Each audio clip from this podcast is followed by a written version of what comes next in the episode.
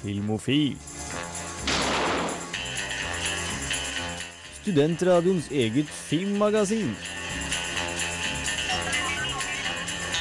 Lights ready, all set. Cameras. Ja, velkommen til Radio Revolt. Du hører på Filmofil. Det er torsdag kveld, og vi er i fryktelig godt humør her i Studio 1 i Lukasbygget i Trondheim. Om du så har podkasten å høre på, eller om du er en av de få spesielle yndlingsbarna våre som hører på livesendingen, så skal dagens sending bli fryktelig koselig. Vi skal snakke om Oscar, og vi skal snakke om masse om Tarantino. Eh, Med meg i studio har jeg Jan Markus Johannessen. Christian Høkås. på besøk, faktisk, fra Hva skal vi si du er? Skrivende? Ja, ja, Nei, ja. grafisk. Ja, grafisk, ja. Eh, illustratør i Under dusken. Men du har din egen lille podkast gående med Jump Cut. eh, Ja, Linjeforeningen for eh, filmvitenskap og film- og videoproduksjon. Så det må jo bare bli, bli bra. Jeg tror til og med du skal få litt ordentlig lyd. Prøv å si noe. Ja, nå skal jeg si det samme igjen. Å nei da, det går bra. Jumpcut, Eh, vi tror på deg. Mange takk. Eh, jeg har da selvfølgelig da som vanlig med meg Frida Sveen Hempel. Men, eh, men eh, ja, det er jo ingenting nytt, for så vidt. Nei, kan dessverre ikke by på det samme spenningen som Christian er. Det som er nytt, er at Hateful Eight har kommet ut uh, på kino. Og derfor skal vi ha Tarantino-sending. Og med det så sier vi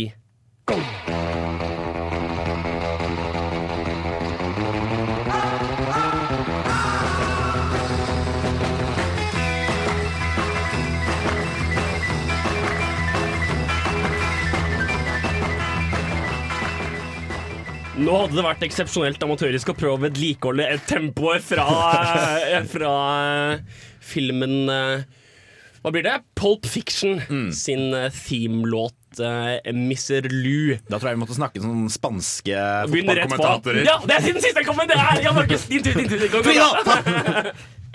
Mål! OK. Siden sist her på Filmofil er der vi snakker litt om hva som har skjedd siden sist. Eh, Jeg har ikke gjort noe særlig, så Jan Markus. Jeg har sett på Masters of None. Vi har nevnt det litt før, men aldri snakket veldig i dybden om det. Aziz Ansari, Netflix-serien. Ja, stemmer. Eh, Litt selvbiografisk, men ikke helt. Eh, Basert sikkert mye på virkelige opplevelser og sånne ting. Og det er Det som slo meg med serien, er hvor millennial den serien er. Det er en sånn Dette er seks år etter at Obama ble valgt som president. Ja. Og du tenker på en måte ikke over det, men du blir så klar over det når du ser det. For det, det er et helt annet taktskifte i forhold til det som var vår barndom 2000. Hvor liksom det starter med Første episode er at han har sex, Øh, kondomer evner, de må kjøpe pille, og de liksom drar på butikken sammen og er sånn Ja ja, hei hei, nei vi er sånn one night stand og sånn, da. Sånn som ungdommen driver med. Jo, men altså, Aziz Ansari er øh, en eh, dyktig observasjon, observasjonell, observational komiker. Og derfor tenker jeg at han som kanskje Jerry Seinfeld har litt anlegg for å lage en god TV-serie, kanskje? Ja, jeg tror det. Absolutt. Og det er, eh, hva skal jeg si, det er veldig De spiller også på dette her. I en episode så viser de da foreldrene hvordan de kom til Amerika. Fordi eh, mange av disse har jo, er jo andregenerasjons immigranter i eh, USA. Og det liksom, Der viser de det ekstreme skillet, av hvor folk ble født på 60-tallet og vokste opp i India. liksom De hadde en geit. eh, til hvor de nå sitter og liksom ja, skal vi sjekke ut det nye kaffestedet? Jeg begynner å gå litt lei av det gamle. Og bare det at På én generasjon så har det skjedd så ekstremt mye. Å sette det hele i perspektiv. Og det er litt interessant, fordi jeg har sett en annen TV-serie som heter Blackish. Som nå hadde andre sesong i 2015, og som jeg egentlig ikke fulgte helt med på. Men som fikk gode reviews på tv.com, og sånn, så da tenkte jeg at jeg skulle sjekke det ut. Og det er ikke like mye sånn eh, millennial type observasjonsgreie, men det gjør at de er veldig tydelige på at de håndterer et tema for hver sending. Eh, beklager, for, beklager, en liten Freudian uh, Rodry Holt-slipp der. Eh, de håndterer et tema for hver episode, og første episode i sesong to er uh, ordet nigger. Uh, eller the n-word. Og Louis C.K. sier 'hvorfor sier du the n-word', kan du ikke bare si ordet? Det er feigt å bare plassere det i hjernen til noen uten å si ordet. I hvert fall, Beklager. I hvert fall, Er uh, Louis C.K. med i Blackish? Nei, men han er, han, han er ifølge Chris Rock den sorteste hvite komikeren i verden. I hvert fall uh, Blackish var faktisk litt kult å se på. Det er bitte litt tydelig beskjed, så det tar deg kanskje litt ut av um, innlevelsen i serien, fordi det er så tydelig at de har en beskjed. Men det, det er litt, litt kult å se på. Uh, Frida, siden sist. Ja, jeg har uh, gått til det skrittet å kjøpe medlemskap på TV2 Sumo Hvorfor det? for å se sesong fire oh, okay. av Dag. Ja. Gang til. Jeg har tenkt, jeg har tenkt å gjette Tippeligaen. Ja, åpenbart. Det òg, selvfølgelig. Nei, vet du hva? Eh, jeg måtte nesten det, altså. Ehm, nå har jeg vist kjæresten min alt fram til dit, og så ender jo tredje sesong Det er lov å spoile tredje sesong. Ja, det kan, kan du si spoiler. Hopp, hopp, 10 hopp 20 Hopp 20 sekunder fram hvis du ikke eh, har sett siste episode i tredje sesong av Ja. Dag. Så ender det jo med at Bendik kommer i fengsel. Ja. Eh, og da er det veldig vanskelig å være sånn Ja, så nå må vi vente på at Netflix har lyst til å legge ut Dag. Så da måtte vi nesten bare kjøpe medlemskap og uh, se videre. Og den er Det slår meg hvor mye av den serien som i hvert fall er starten, som foregår på samme dag Mm. når de skal til begravelsen. og Liksom, det er mye sånn Føles litt sånn katt og mus-lek. Mm. Litt sånn tegneserieaktig med denne grevlingen og alt. For dere som ikke har sett det, så gir kanskje ikke dette veldig mye mening, men det er mye der som er veldig sånn tegneserieaktig humor en stund. Og så husker jeg hvor utrolig mørk deler av den er, så jeg sitter og er litt sånn å herregud, det kommer snart, det må jo komme snart. Det var jo helt forferdelig mye av det. Men hvordan er det å se, hvordan er det å se Dag eh, med litt pauser og litt rar, sakte versus sånn sånn som vi så den, som var i ett i et maraton? Eh, altså det, det, ja, det slår meg at den passer bra til maraton. Ja, den gjør det, ja. Jeg får veldig lyst til å binge her. Ja, fordi den holder stemninga veldig godt mellom. Veldig. Og um, du lurer veldig på liksom, hvordan det går, hva, hva som kommer til å skje med karakterene. Det er jo på en måte mye mer sånn drama med, med, med hva som skal skje med dem i denne her, enn det er i de andre som er litt sånn dårlig stemning generelt. Ja, ikke sant? Høgås, du da, siden sist? Altså, siden, Når ble du født? 92? 91. 91, beklager, beklager. uh, sett noe siden da? Uh, ja, lite grann. Det har jeg. Du, Eh, du, men går- du, du går jo på film og Det- Det stemmer, det. så da blir det jo fort litt, litt film. Det blir, det blir det, altså. Men uh, siden, i hvert fall, siden torsdag, da Siden forrige torsdag, så Ja. var jo det Oscar-nominasjonene. Så da har jeg prøvd å se litt av de filmene som har vært Som hører til der, ja. som, Lurt. Ja, så jeg så jo eh, Joy, da, den som Jennifer Lawrence er nominert i.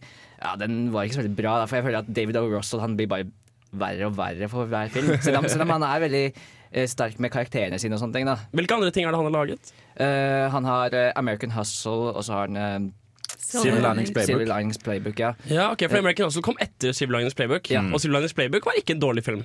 Nei, eh, men det Jeg likte den når jeg så den, jeg har ikke sett den igjen. Jeg Men han, sier. han lagde jo For lenge siden lagde han jo ordentlig bra filmer. Han lagde jo Three Kings, som er en film om, Om George Clooney, er det ikke det? om Ja, egentlig. Ja. Eh, og I Heart Huckabees tror jeg også han lagde. Nei, det tror jeg Jeg, jeg har jo ikke sett den, men jeg har hørt at den er bra. Det er bare én av oss som går på filmvitenskap her. jeg, jeg har ikke sett eh, I Heart Huckabees, da. Men, men slik han Altså, jeg føler at han starter veldig fint, da, og så bare Siden det har funket for han, eh, blant nominasjoner og blant kritikere, så bare følger han den modellen. OK, oh, ja, ja, tar- Robert De. Niro og de er også Oh. Eh, lager historie ut av ingenting, egentlig. Er det noen av Oscar-filmene som er virkelig verdt å verdt, som du, en, av de, en av de som ikke har kommet ut i Norge, som du har prøvd å få med deg? Som er virkelig Eh, verdt å se? Eh, Altså, jeg, er veldig spent på Anomalisa. Den, Ja, har, ja. den har ennå ikke fått en re release date i Norge. Yes. Uh, men jeg er veldig glad i Charlie Kaufman. Og han har jo Synecdoche in New York, som var hans siste film. Og det her er hans neste, som er stop motion. Men vi tror den kommer til å få kinorelease i Norge. Ja, de sier februar på Filmweb, så Nei, men Da satser vi på det. Vi fortsetter med vår eh, Tarantino-tematiske musikk... eh, Tem det er Profil? Det vi, ja, takk. Uh, her i Filmofil. Mm -mm. Herregud. er Proft, proff radio. Dere skal få låta 'Down in Mexico' av The Coasters fra Death Proof.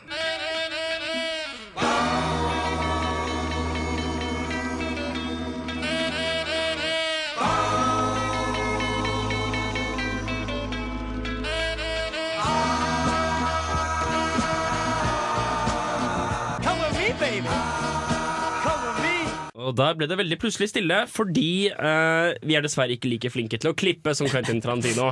Uh, intensjonen er god, og vi er veldig villige. Vi nærmer oss da med andre ord mot ukens tema, som er Quentin Tarantino. For de som ikke har fått det med seg. Du hører på, også på Filmofil. Det ble da nødt til å gjenta hvert tiende sekund hvis du ikke har fått med deg at det er Tarantino vi snakker om. Først er det Oscar-nominasjoner som er tema for oss. Eh, vi skulle hatt en jingle, men istedenfor så kan vi vel si noe sånt som The Oscars ba-ra-ba-ba-ba-ba. Eller ikke. Eller ikke. I en E for effort. I, I for effort. Hvem er det som har eh, Oscar-kunnskapen her, da? Vet du hva? Jeg må bare kommentere. Det er så vanskelig å gire seg opp i år. Fordi jeg har nesten ikke hørt om Nei, men Det er filmene. noe med det. Det var så mange jeg tenkte sånn OK, jeg har hørt om eh, noen av dem, at de skal komme. Men de fleste av dem er sånn Å ja, Room. Det er jo en film. Eh, men altså, altså de, de meste nominasjonene går jo til, til filmer som allerede er ganske godt anerkjente. Det var på en måte eh, som, eh, mange til The Revenant, Mad Max og The Martian. Men det er Eh, merkelig, fordi ja. altså, The, The Martian kom ut i sommer. Mad Max Nei. kom ut i sommer. The Martian kom ut eh, i høst. Oktober. Ja. Ok, beklager. Det føltes som sommer, fordi jeg begynte ikke å jobbe med skole før i november. Men det, eh, Mad Max og The Martian kom ut for lenge siden, og de blir nominert ved siden av filmer som vi liksom ikke har hørt om engang. Og det er jo veldig weird. Jan Markus, du hadde jo et veldig kult forslag Eller du refererte til et kult forslag som handlet om at man skulle ta Oscarene et år etterpå. Mm, minst. Fordi da får du med deg f.eks. sånne ting som nettopp uh, Anomalisa, som ikke har kommet til Norge ennå. Og så lar du ting gå sin seiersgang, og så slipper du at, som du også nevnte, det blir et markedsføringsverktøy. Så Ja, folk, ikke sant. fordi det er nå filmene går på kino, det er nå du vil ha Oscar-nominasjonene. For eksempel The Revenant. Der er det tolv Oscar-nominasjoner. Folk sier 'oi, shit, tolv Oscar-nominasjoner'. Da får vi løpe og se den filmen. Ja, ikke sant? Og folk- Fordi I Norge vil det da få en større opening weekend pga. det. Ikke sant? Og hvis man da tar det ett år etterpå, så lar man folk liksom få hvilepuls igjen. Lene seg tilbake og si OK, hva var egentlig de beste filmene her nå? Men du har også et annet forslag for hvordan gjøre Oscaren litt mer spennende. Sånn at ikke alle Oscar-filmene skal komme samtidig. For det er også noe med det at denne, dette akademiet er ikke så god på å huske, så de tar gjerne sånn Den var sist. Vi tar den. Uh, og det er at man lager liksom tre, uh, fire bolker. Og så sier man for Best Picture-kategorien så må du ha en vinterfilm, en vårfilm, en sommerfilm og en høstfilm. Og så har du én igjen som kan være fra noe. En, Hvis- en wildcard. det syns jeg hadde vært så kult! Så Jo, kunne men- vi fått spredd det litt Jo, men. Blir ikke det litt weird fordi mange Dette vet sikkert du litt mer om, Christian. Altså, mange storfilmer slippes på bestemte tider av året. Ja, det er på grunn av eh, altså, markedet. Når du har eh, når du har filmer på sommeren, så, er det jo, så har jo folk fellesferie og alt mulig. Mens Ja. eh, å slippe dem mot vinteren var veldig vanskelig for Star Wars, men det gikk fint. Så. Det skal sies at man har sett trenden at feriefilmer det, det, det er ikke like viktig lenger. Nei. De får veldig, I år så har de hatt veldig dårlige åpningshelger. Mm. Veldig mange av dem. Så jeg, jeg håper at det kan gå litt over. Uh, Disney for eksempel har jo sagt, vet du hva? Fuck jula deres. Uh, og sagt nå at Star Wars episode hva blir det, åtte Star Wars episode åtte, den slipper vi Det var noe sånn eh, 20 Det var nesten på julaften. Like rundt der 23. desember. Ja, ja. Men den gjorde det veldig bra. ikke det? Star Wars gjorde det veldig bra. Star Wars tjente alle pengene. Ja, for det var, en, det var en bedre åpning enn The Martian. Det var en bedre åpning Ja, ja, enn det var enn alle filmer i 2015. Ja, Det er ikke snakk om. Skal vi ta og gå inn på hva faktisk Oscaren eh, ble nominert, eller hadde du et siste punkt, eh, Frida? Jo, nei, jeg var tilbake på Oscarene. Du skulle det! Jeg Vi skulle hadde det. samme transisjon transisjonen i hodet. Ah. Og jeg vil, kan jeg bare få spole videre Ja, inn i Oscarene? si helt- helt annet, med, altså. nei, nei, med The Martian. Fordi det som overrasker meg, er at The Martian fikk sju Oscar-nominasjoner. Og det slår meg som en sånn veldig typisk popkornfilm. Var alle som komedie og sånn? Sånn som Golden Globes? Nei, det er, det er ymse. Det er f.eks. Best Picture, uh, Best Actor. Som jo, greit nok, jeg ser Best Actor, men det er Ser vi egentlig Best Actor? det, Fordi det var bare han, liksom. Det er sånn Iron Legend-faktoren. Ja, men Han ble ikke nominert for noe han Will Smith for Iron legend. ble han det? Nei. La oss ikke håpe det. Selv om den filmen er jo ikke så ille. Nei, det er ikke det. Men poenget er at liksom, jeg føler litt at The Martian stiller nesten i samme kategori som Star Wars. Fordi det er ikke det, er ikke det store filmatiske sånn slå neven i bordet og se på hva jeg kan. Det er mer en sånn Folkens, nå drar vi, tar vi med familien på kino, så ser vi The Martian. Dette er kos for alle i familien. Jeg syns egentlig den mest interessante kategorien til Oscarene er eh, Best Original Screenplay. Ja. For der har de en, hatt en tendens til å gi de ordentlig gode altså, Jo, de mista Pulp Fiction fordi de skulle gi den til Forrest Gump. Men de ga Best Original Screenplay. Og der har de faktisk i år eh, både Eksmakene, som vi i Filmofil er ordentlig glad i. Mm. Inside Out har fått Den, den er jo kjempeflott. ja. Eh, og så har de den litt utypiske Straight Outta Compton. Mm. Har faktisk fått Best Original Screenplay. Kunne aldri i livet fått, eller ikke i USA, fått en Best Picture, men kan få Best Original Screenplay. Ja, så det er fire nominasjoner til Best Original Screenplay. Ja, altså Bridge of Spice, men uh, Nå, da, men da har ikke jeg sett den nå. Det kan være Nei, bra, den. vet du Det er en Tom Hanks-film, er det ikke det? Ja, men han er uh, blitt gammel og lat. Tom Hanks og Leser Spielberg. ikke. What? Jeg er negativ. Jeg er ordentlig negativ. Vet du hva? Det kan være navnet på dagens sending. Tom Hanks har blitt gammel og lat. Men eh, det var syv nominasjoner til beste film. Nei, nei. Åtte. Åtte. Og det sier så mye. De har plass til ti. De har offisielt sagt vi har plass til ti, og nå sier de Vet du hva, det er bare åtte som er verdt å nevne engang! Det er helt sykt! Fuck all yous! Vi skal ta og snakke om en helt spesifikk eh, film eh, som kommer, nemlig The Revenant. For den har Jan Markus vært og sett. Først skal dere få Tro det eller ei, en Quentin Tarantino-film. Dere skal få Stuck in the Middle with You fra Reservoir Dogs.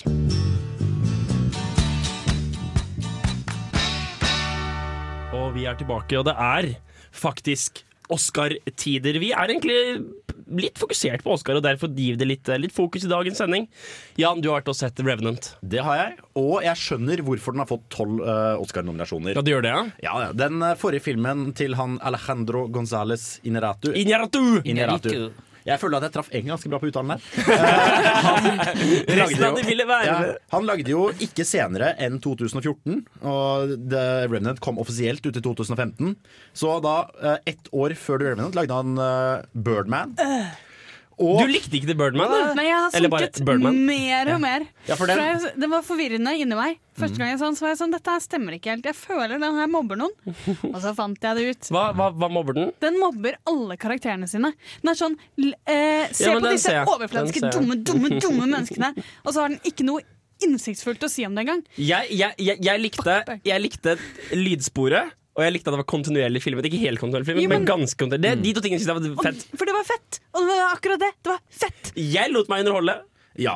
Og her, den filmen stakk av med fire Oscar, så han, har en, eh, han kan prøve å slå seg selv da, eh, nå på hjemmebane ett år senere.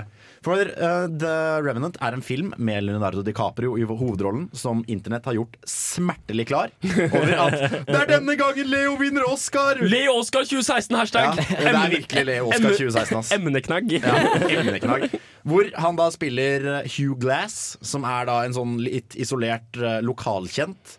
Med en sånn lausunge semi-indianer som han drar på, som er hans egen sønn.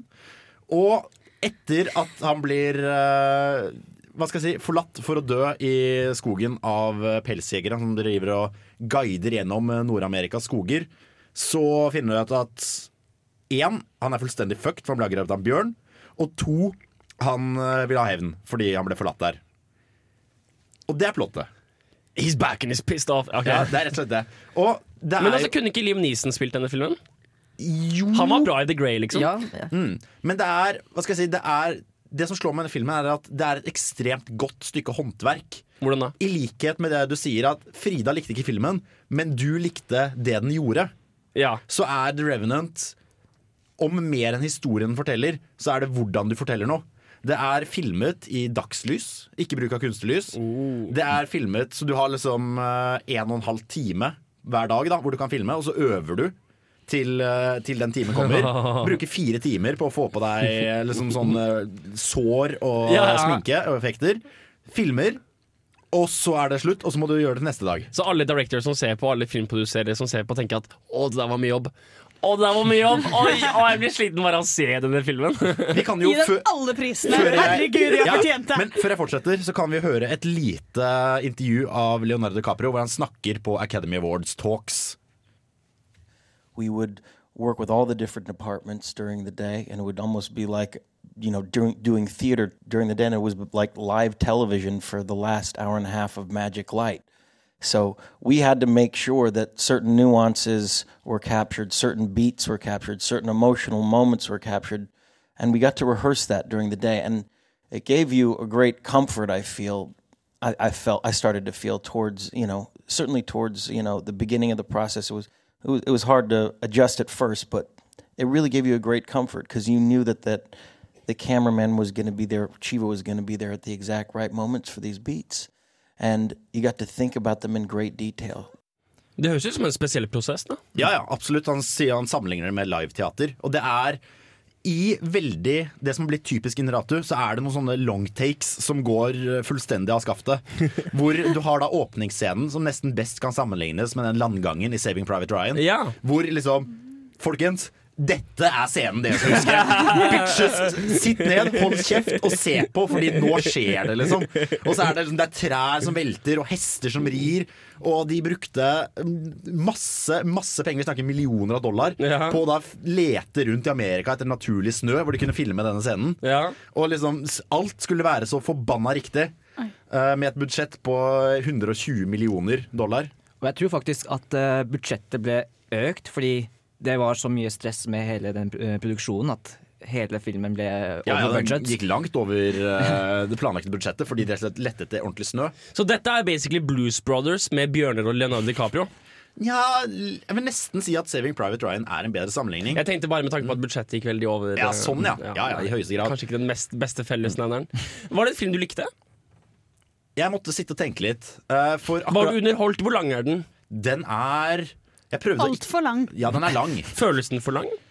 Fordi det var for eksempel det Spectre Jeg synes Spectre gjorde bra. Var at den føltes Det føltes ikke Jeg satt aldri og kjedet meg omtrent. Men du og jeg er sånn de eneste jeg vet om som bare koste seg skikkelig med Spectre. Og andre kom og var sånn Dere løy! Det var jo faktisk mye vers. Men det er, hva skal jeg si På en måte så er den lang. På en annen måte så er alt det lange er så jævlig bra gjort at du sier ja, OK, greit, liksom. Det var gøy. Ja, og for eksempel bare atmosfæren i den filmen. Du setter deg og ser på den her. Uh, dette er en film jeg kan anbefale å se med hodetelefoner når den kommer ut på Blu-ray Fordi du kan høre snøen som liksom så vidt faller på skogbunnen. liksom, en elv 800 meter nedi som du så vidt hører klukkingen Ja, til. Hodetelefoner eller et ordentlig surround-anlegg. da Ja. Seriously, people. Det er faktisk en film som kjennes så godt på kroppen at du tar på deg jakke inne i Ja, kinosalen fordi du såpass. fryser. Jo, men Det følte jeg var veldig autentisk når jeg så Hateful Eight. Så var det dritkaldt Ja. i kinosalen. Ja. Og jeg satt og frøs beina og føttene og tenkte at ja, dette var jo autentisk. Og det gjør også uh, The Revenant ekstremt bra. Så ikke bare er det en film du må se på kino, men du bør se den på kino i januar. ja, Fordi å, å se den når det er dritvarmt ute, det blir feil. Det blir veldig feil. Så uh, skuespillet til Leonardo, da. Det er, hva skal jeg si, Han sier ikke så veldig mye, for store deler av filmen tilbringer han han alene. mye? Han, blø, han blør og grynter, liksom. Han blør og grynter så mye. uh, jeg leste en fantastisk Onion-artikkel hvor de da har fake, laget et liksom-intervju med Leonardo DiCaprio. Hvor de da sier at ja, nå har jeg grått og skreket så mye i den filmen her at jeg tenker kanskje nå er god sjanse på Oscar. da Var det de, var det de Onion-artiklene? Ja, det var en Ja. Onion-artikkel uh, hvor de da også sier at ja, men Edward Maine spiller jo trans, og det er jo liksom det, det er jo bra, det, men jeg har skreket og grått så mye i denne filmen. Og, men all ære til Leonardo DiCaprio for denne innsatsen. Han har jo bokstavelig talt uh, liksom kastet seg ut i uh, elver som holder null grader, og frøst og spist ting som mennesker ikke spiser frivillig hvis de får valget. Altså, jeg må bare si at uh, jeg kom jo med litt sånn rant forrige sending, som var litt rettet i alle retninger, men mest mot Leonardo DiCaprio, egentlig. Ja. Eh, mest, I alle retninger mot han, for jeg fant ikke helt ut hva det var jeg er litt lei av. Men jeg merker Hvorfor kan han ikke få være sjarmerende? Hvorfor kan han ikke få lov til å være sånn den tilbakelente Jeg, jeg savner Har litt aldri det vært av ham. sjarmerende? Jo, han var det i Romeo og Julie. Han var det i disse tidlige filmene sine. For han var det ikke Jeg kommer virkelig øyeblikkelig til å tenke på Catch Me If You Can, men han var egentlig ikke Han var jo mye sjarmerende. han var ikke det. Han var fake-sjarmerende. Ja, men det er akkurat det, og det er deilig å se på. Han er en av de få som bare mestrer den derre Jeg åpner en dør, går inn i et rom, og, alle, og du med alle i det rommet er sånn. Si det til, si det til Michael Fassbender. Er det han spiller i den? Nei, det vet jeg ikke, men Nei. Michael Fassbender er charming as fuck. Å, sånn, ja, men han gjør fortsatt litt sånn. Ja, okay. Jeg føler Leonardo DiCaprio har gått så veldig inn i skurk skurkerollen, kanskje. så det, du hadde, finne- det du har likt, er å kombinere The Martian, Matt Damon sin rolle, og Leonardo DiCaprio for å få litt sjarm inn i det. Så han ligger og blør Kanskje- ute i skogen, og det er Men mye snø og også- skit, og sånn. Og så gir han litt kamera litt blunk og sier er ikke, det, er ikke dette kjipt, da? ja, Det er kanskje kanskje en måte jeg vil oppsummere filmen på. Ja. At det er ikke yndlingsfilmen min, men det er en film man kan lære ekstremt mye av. Ja. I hvordan lage film. For eksempel hvis uh, The Martian hadde vært like detaljorientert og like liksom, autentisk som The Revenant, så hadde de fuckings dratt til Mars for å lage den.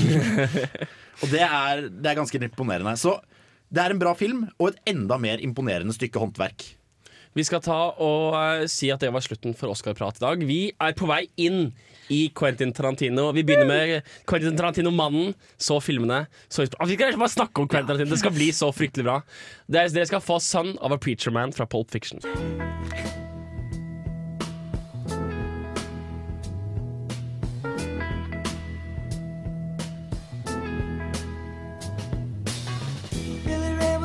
Was preacher's son, and when his daddy would visit, he'd come along. So born in Tennessee, but Yes. then moved with your mother to California.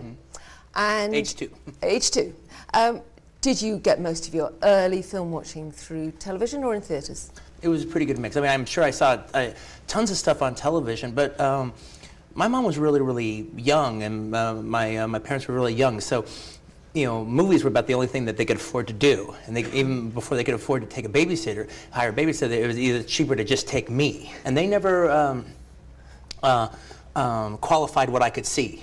You know, they just figured there was nothing in the movie that would ever bother me. So, what at a very, very young age, I was like seeing The Wild Bunch and Deliverance and all these, uh, all these things, and uh, so I was just always seeing adult and, and uh, adult kind of entertainment. But I also watched all kinds of classic movies on television.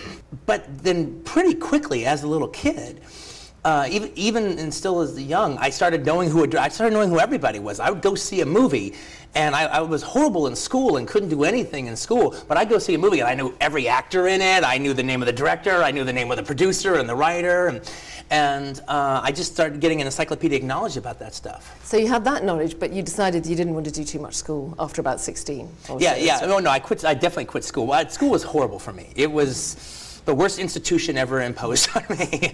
it was uh, to me, school was prison. I hated school. So you jumped out of prison and you did a number of jobs, including famously working in a porn cinema. Yes, I did. Yeah, that was actually the first real job job I ever got. At, at, at age 16, I got a, a, a job as a, a usher at the Pussycat Theater, which was a, a porno cinema. I mean, full-on triple X porn.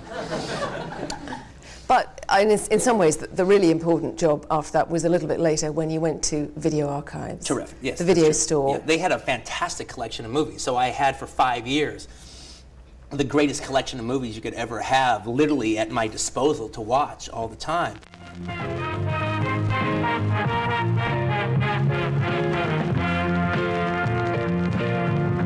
Det er Our feature ord- presentation. Our feature presentation!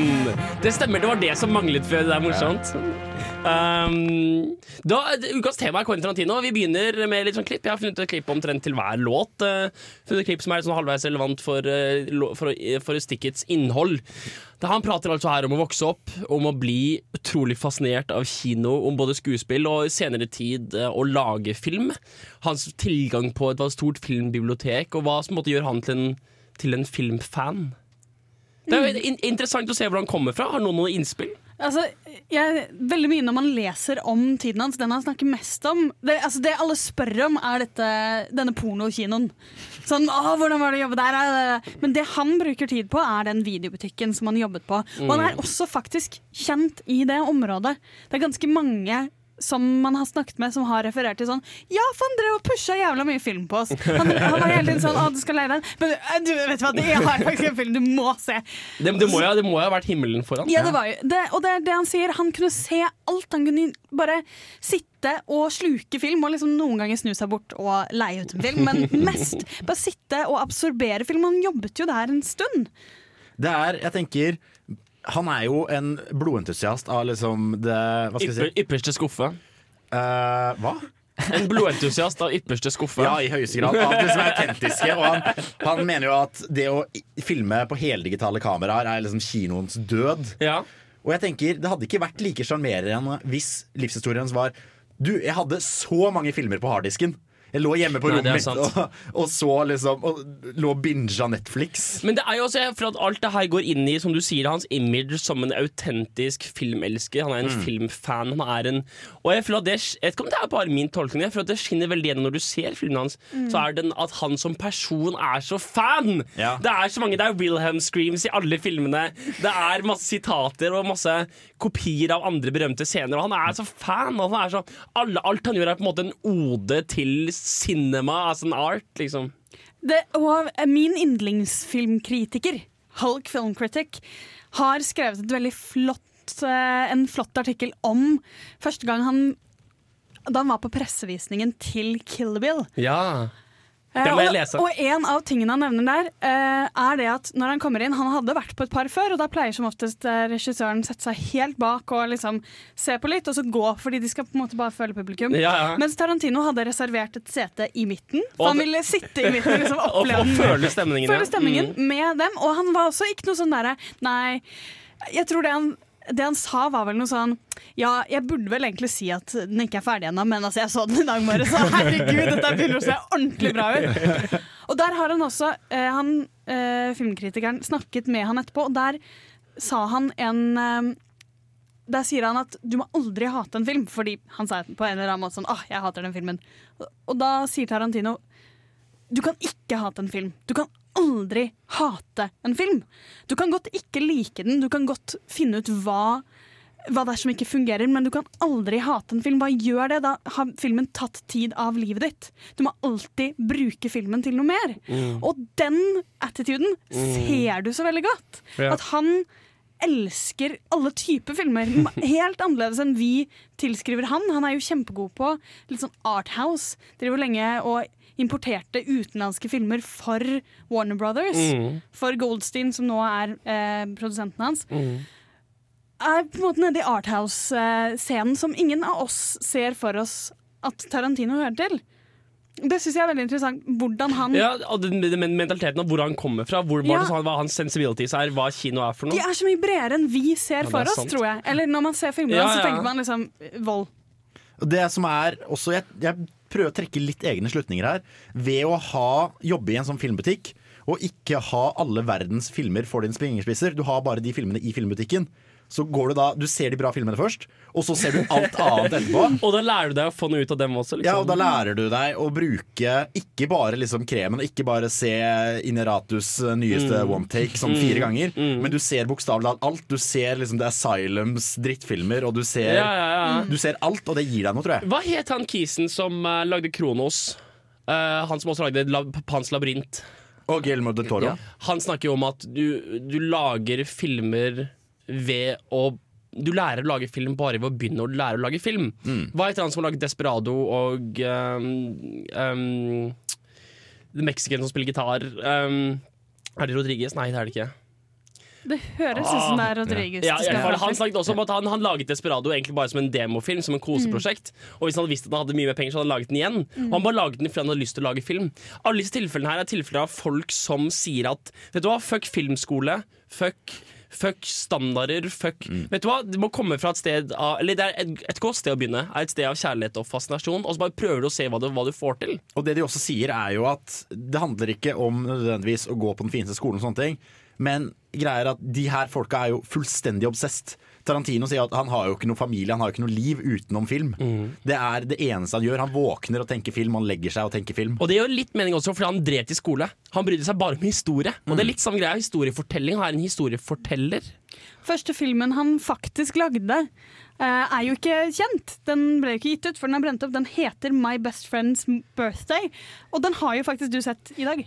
Og det, han, han, han fikk en, han fikk en tilgang på en 16 mm-kamera. Begynte bare å filme over fem år. Det Liksom. stemmer, ja. Ehm, og faktisk hele den filmen her, den eksisterer ikke i sin helhet. Det er jo bare 34 minutter som eksisterer, fordi resten forsvant i en brann. Og det tror jeg ikke Tarantino bryr seg om, fordi han hatet den. eh. Men eh, ja, den var veldig sånn bisarr. Altså, den- det er jo praktisk talt noen karakterer som eh, forbereder en, et bursdagsselskap for en kar som heter Mickey. Eh, Quentin Tarantino er jo skuespiller i denne filmen her, og gjør faktisk en helt grei jobb, men det er jo veldig Det er på en måte hans filmstudentfilm, selv om han ikke var filmstudent. Akkurat. Vi skal videre til hjemmelekse, så Radio Revolt, klassisk filmmusikk, torsdagskveldene. Du hører på eh, Filmofil og får uh, The George Baker Selection, som nådde til 21.-plass i 1970, med Little Green Bag.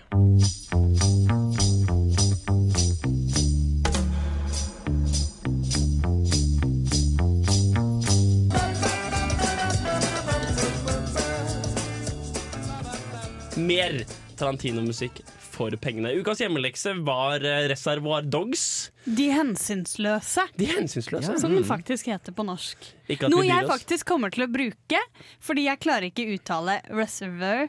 Re re reservoir dogs. Reservoir dogs. Men De hensynsløse er for en gangs skyld en veldig god oversettelse. For det er exactly what this fucking movie is. Mm. Har noen lyst til å snakke om den? Det er, altså, som Tarantino, Tarantino sier Men vet du, jeg har faktisk klipp. La oss spille av klippet. Er, er vi klare for klipp? Vi er klare. Where you're making lots of references to earlier genres. To if people haven't seen them, does it matter if they don't get the references? No, not at all. Because I'm just known as such a film aficionado, there is this aspect that uh, everybody who writes about cinema or thinks about it just kind of sees me coming, basically. So everyone feels like they want to match wits with me and figure out that, you know, where did this come from? Where did that come from? And most of the illusions that people come up with, uh, I wasn't thinking about. I mean, I might have seen it, but I wasn't thinking about it. And I think they're kind of pushing the, the, the, the point to say that I, uh, I, that it was from this or from that. Um, having said that, though, you know, there is a lot of things like that. But you know, the way you know the way it works is, uh, you know, if you understand the context from which I'm coming from and, and the genres that I'm that I'm evoking and the and the moods and the feelings of them, well then that's great. Now you can appreciate it for in that way, and that's all and that's all good. And if you haven't, then it's all brand new to you and uh, and you can look at it in a completely different way. And now it's got to work in a whole different way for you because you, you you know you don't understand the genre. I have to take you there myself. You take a big genre like say uh, westerns, or you take a genre like war films, and that's one that's a huge genre because and and it's not just westerns or not just war films. There's a bunch of subgenres inside of those, and that's what I like the most are subgenres and then bouncing a bunch of those off of each other. And and the thing is, I never want to play them, never playing them straight. I always want to transcend them. I just want to use them as a jumping off point to do something else. But I want them, I don't want them to be an art, you know, some pretentious artistic art film meditation on the genre. I want to go and do it my own way. And so I want to give you the same pleasures, but kind of go to a different drummer. Hence, you know, Reservoir Dogs is um, is a heist film where you never see the heist. Og det var intendert som koblingen inn i ukas hjemmelekse. Tanken var så god! Fy- Det jeg oppfatter at Tarantino sier her, er at uh, genrer kan være gøy som eksempler og referansepunkter for folk, folk som kjenner det. Men for folk som ikke kjenner det, så vil hans genreadapsjon Det vil ha en verdi i å være nyoppdagelse for nye folk. Og for eksempel Reservoir Dogs, som da er en heistfilm uten the heist. Og det har, hvis du tenker over det, alle ingrediensene til å være en uh, hva heter det, en, en plottfilm, en ransfilm. Det er de fete karakterene, det er den kule loggen, det er spenningen, det er våpenet, det er blodet, andre ting. Usikkerheten, hvem er hvem. Og så gjerne avslutter med eh, elementer fra andre sjangere, som Mexican standoff, som vi Ja! også har sett i Tarantino. Godt poeng. Ja, og den har jo Den har vi jo i Reservoir Dogs.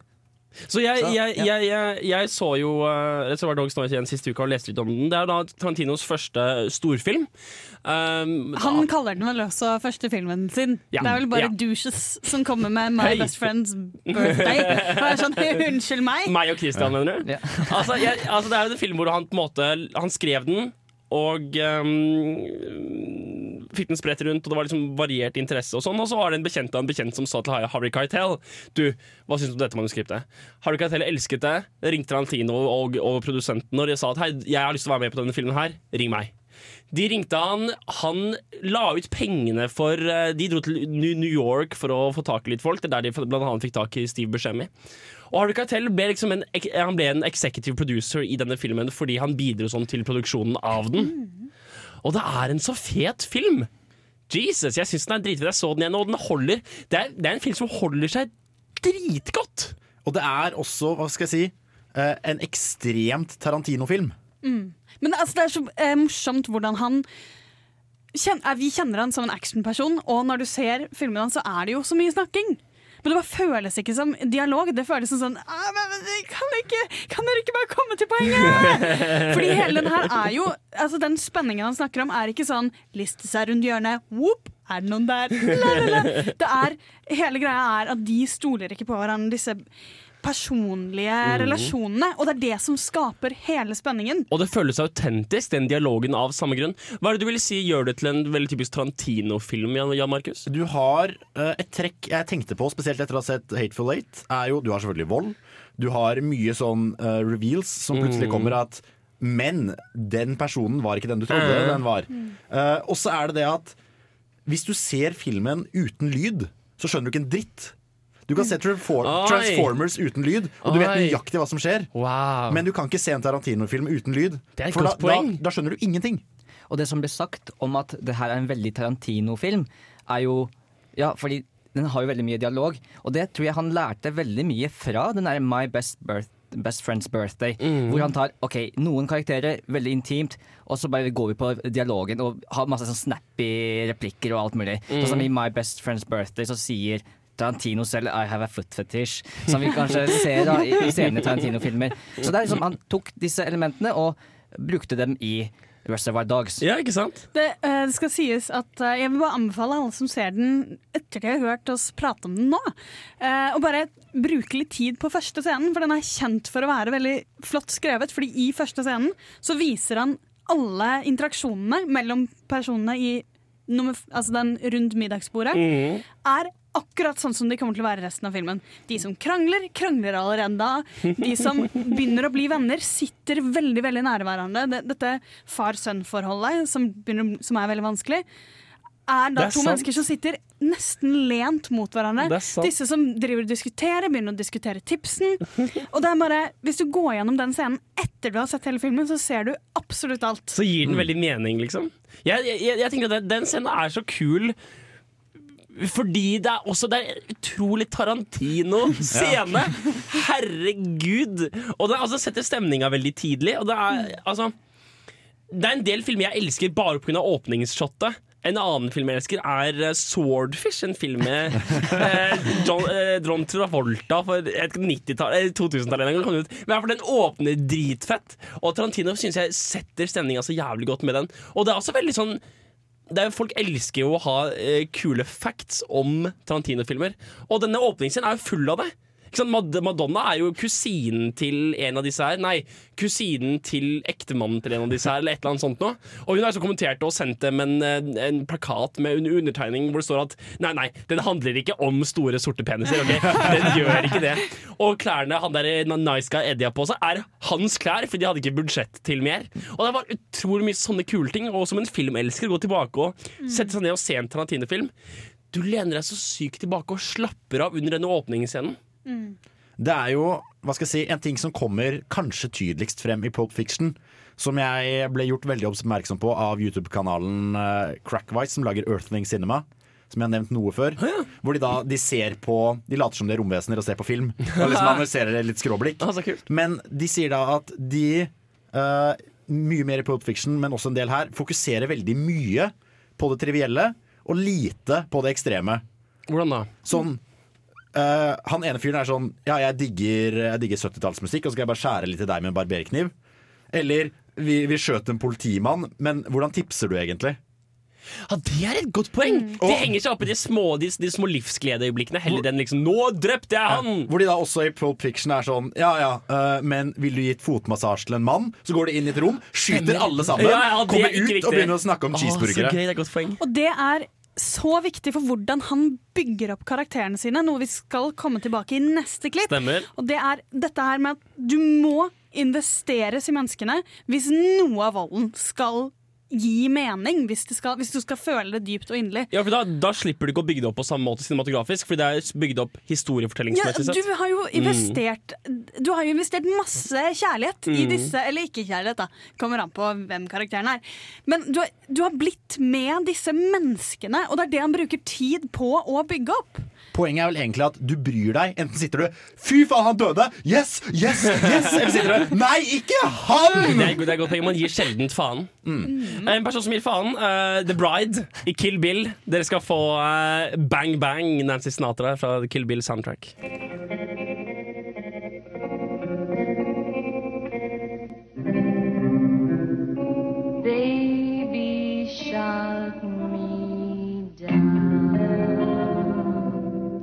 I'm a big fan of uh, action and violence in cinema. I always said that almost as if it was one of the reasons Thomas Edison invented the camera was to film violence, all right, because it's so good. Um, and uh, uh, and the genres that I'm attracted to tend to be genres that deal freely in that kind of stuff. And that has to be done well because if you don't do it well, then it actually has no effect. What I'm about is playing the audience. Like uh, uh, I, I feel like I'm the orchestra conductor, and the audience's reaction are my orchestra. And your, your, the sounds you make are my instruments, and your feelings are my instruments. And so it's like, I want to, um, so it's like, laugh, laugh, laugh. Stop laughing. Stop laughing. Okay, now be horrified. Be horrified. This is horrible. This is horrible. This is horrible, horrible, horrible. Laugh. And that's what I want to do. That's what I, that's what I get off doing. And to me, when, when, I, when someone does that to me, I've had a good time at the movies. There are bits in Inglorious Bastards really unsettling. Mm-hmm. Is that because you never want people to forget the capacity, if you like, for humans to harm one another?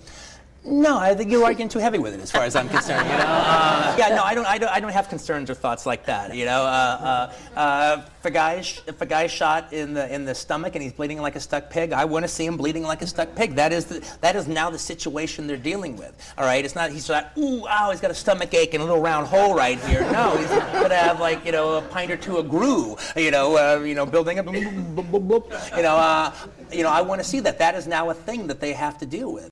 Og Det er jo interessant det her med karakterer i forhold til vold. Og karakterer, hvordan karakterer spiller med oss.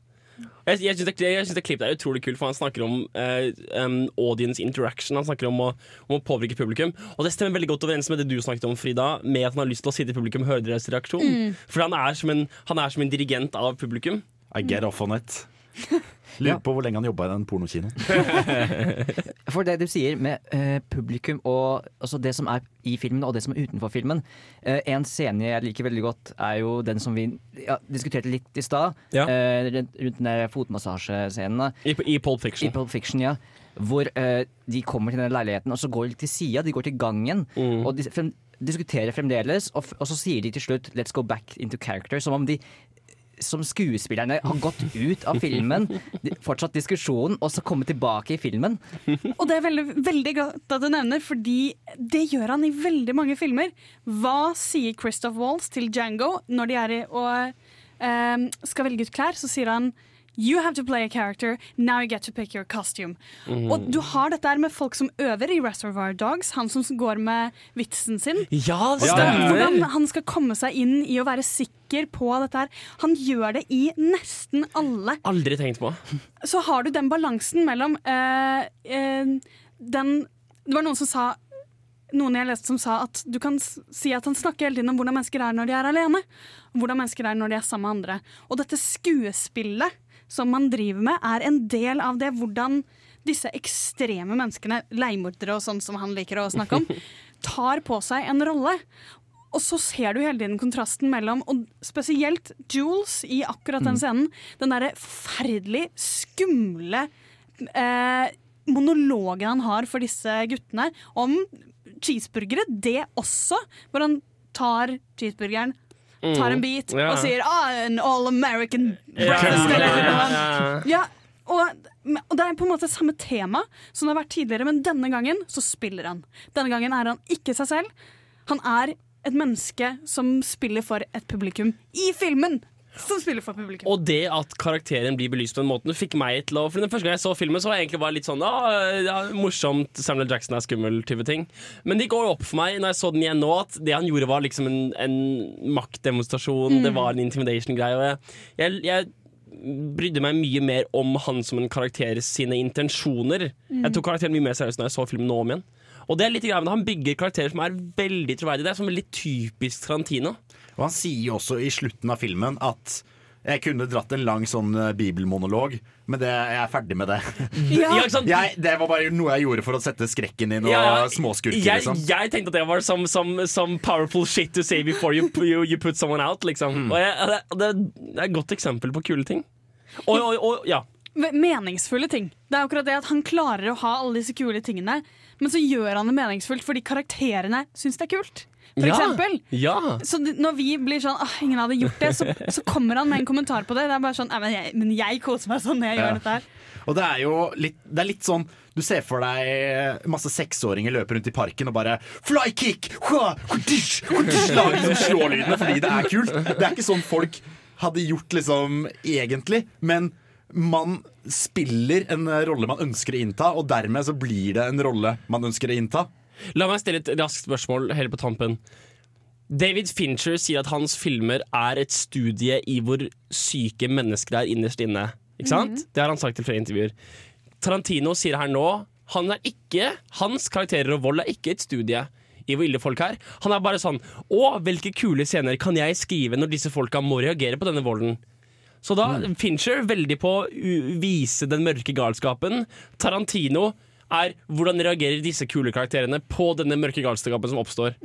For eksempel når de skyter hodet av fyren i en bil, og de begynner å bry seg om at klærne våre er ja, skitne. ja, ja, ja. Og det er også et tilfelle at de bryr seg om de små tingene i den scenen. Veldig kult. Og det, det samme har du i Å, jeg mistet det! For det var, det, var så Åh, mye mer it, eksempler enn jeg hadde. Da kan eh, Frida få å tenke litt på det mens vi spiller en litt mindre kjent låt, fordi det er en litt mindre kjent film. Dere skal få 'Didn't I Blow Your Mind' av The Delphonic fra Jackie Brown.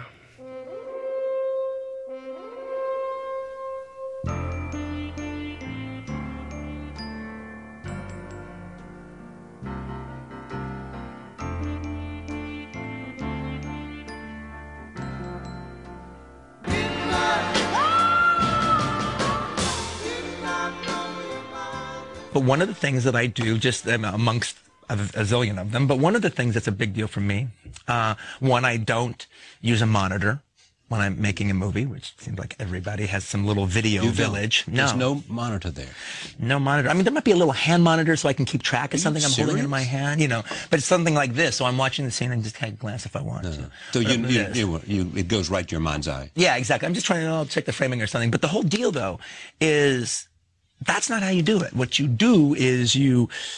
I didn't conjure all this up so I would be in another room watching television as my actors are out there Yeah. doing their scene. all right. I take the camera, I frame the damn shot, and I sit right next to the camera. Either I'm operating the camera, which I didn't do that much on this movie, but I did mu- much more on I thought you'd already made the point that, mm-hmm. that what you discovered about being a great filmmaker is that you could hire these people to do all those things.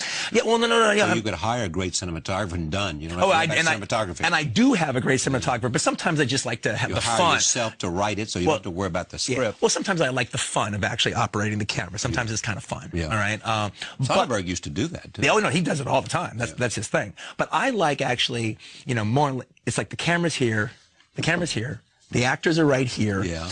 and I'm right here. I'm right next to the camera, and I'm watching. I'm watching the scene. I can actually even talk to the actors during the scene. I'm saying I do that all the time, but maybe I come up with a line. I throw the line at them, say that, uh, or maybe I'm their inner voice. Maybe I'm their conscience as they're talking about. You know, somebody says something, he looks at them, and I go, "What does that mean? What the hell does that mean?" Yeah. All right. Uh, or he's lying. Don't let him get away with that. Or whatever. I'm not saying that I do that all the time, but if I feel like it, it just comes out and I do it. Um, but also what's important to me, and this is something that has changed a lot as time has gone on, um, it's standard now on most movies and all television shows to at the very least have two cameras operating at all time. If not three, if not four, if not five, if not six, um, if not more. Uh, but at, le- at the very least two. And in that scenario, it's like, okay, you have your main shot Right. that you want. And then there's this other camera. And then you're just, you're sticking it somewhere. Right. All right. Where it's not seeing this one and it's not seeing any Right. other equipment. But you know, it's just, it's, it's a sloppy, it's a sloppy, uh, angle, but it's just there to give you a little bit more footage in the editing room. And, you know, so you can just kind of get through your day a little bit easier. Uh, obviously, uh, and now, but now you have to kind of split the lighting as opposed to just for your shot. right. I don't want that. I want, I'm frame, I have one camera on the set, and the only shot we're shooting is the shot I'm framing. I frame the shot. And Bob Richardson lights the shot for that frame, and that's it. And I don't want sloppy ass crap, all right, you know, in there that I can just cut to. If any composition you see in my movie was composed by me. Så Tarantino er jo eh, hovedsakelig to ting. Han er en forfatter, altså han skriver screenplays, han skriver de greiene, og det er veldig viktig for han. Historiefortellingen-biten er Mm. veldig viktig for han. Og som vi hører her, så er han også en cinematograf og en, en regissør. Det er veldig viktig for han hvordan han kompos komposisjonerer kompos Komponerer. Komponerer. hvordan han komponerer eh, bildene sine, hvordan han bruker det. Og du legger merke til at det er singlecam. Alt, sammen. du, du, du ser det når du ser på det. Det er helt åpenbart at det, det her er filmet i et faktisk rom. Mm. Dette er ikke en stage ofte, da. Det er faktisk rom. Det er et faktisk stort kamera som står der. det er veldig veldig gjennomtenkt. Jeg så, For å forberede meg til dette, så så jeg noen som hadde laget en video der hvor de hadde sammenlignet eh, disse tingene han refererer til. da Filmer Mm. han refererer til, Mm. og så sammenligner de et lignende shot som han bruker. Og han har jo sagt at folk sier at jeg stjeler hele tiden, og jeg gjør ikke det like bevisst som folk tror. Jeg blir veldig veldig revet med av ting jeg liker, og jeg putter bare ting jeg liker inn i filmene mine. Mm. Så selvfølgelig kommer du til å finne igjen lignende shots. Mm. Men du ser det, Og det tror jeg veldig mye av det folk refererer til når de syns at han filmer kult, er at det er tenkt gjennom. Han tenkte ut OK, nå skal vi filme den døra, hun skal løpe fra døra.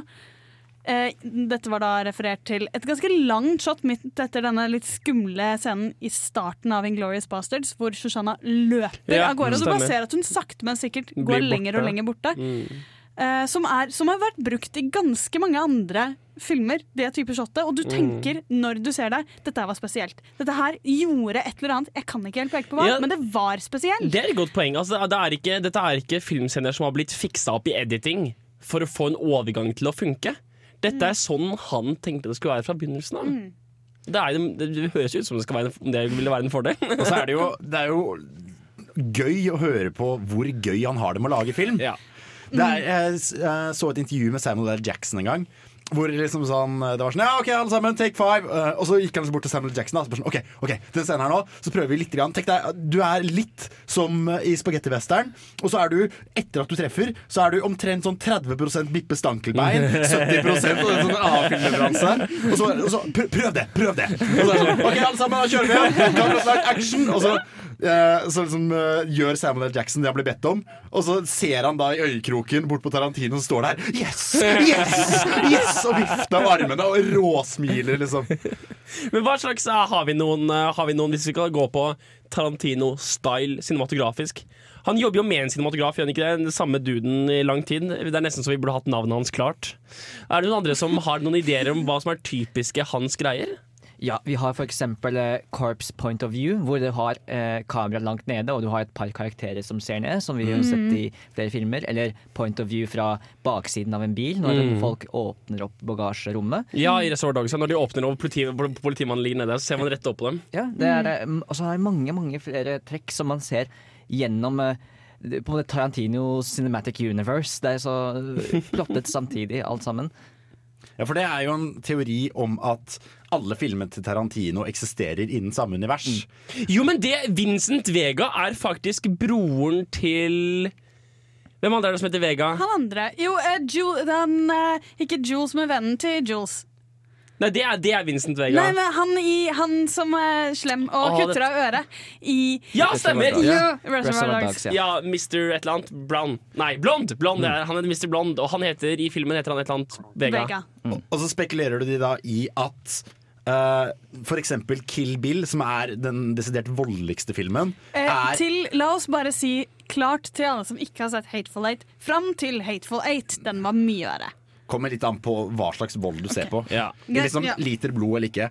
Men de ser jo liksom, disse som har snekra sammen denne fanteorien, mener jo at det er en film i Tarantinos univers som er grunnen til at du kan hoppe rundt som liksom, eh, litt tynn dame på 50, svinge sverd og ta livet av 200 trente japanere, liksom. Og det har du faktisk Det er jo da jeg fant endelig fram til det. Robert Richardson, som er cinematografen i både Hateful Eight, Django Unchained, Kill Bill 1.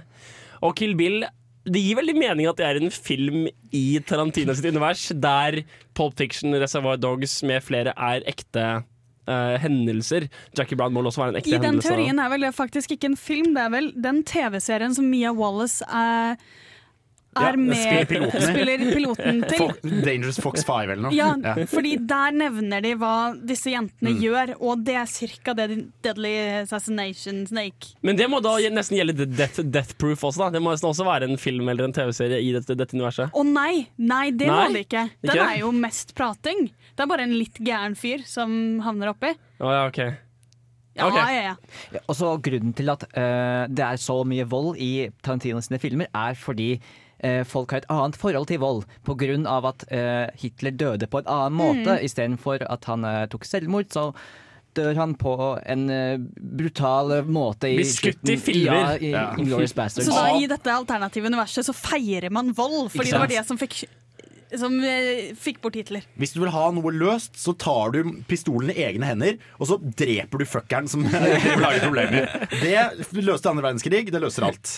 Vi skal høre en låt som heter Girl, You'll Be A Woman Soon. Hvilken film er den fra, Frida? Er den fra Pulp Fiction? Pulp Fiction. Ja, det er mye filmer vi har her fra Pulp Fiction. Det er kanskje ikke så rart.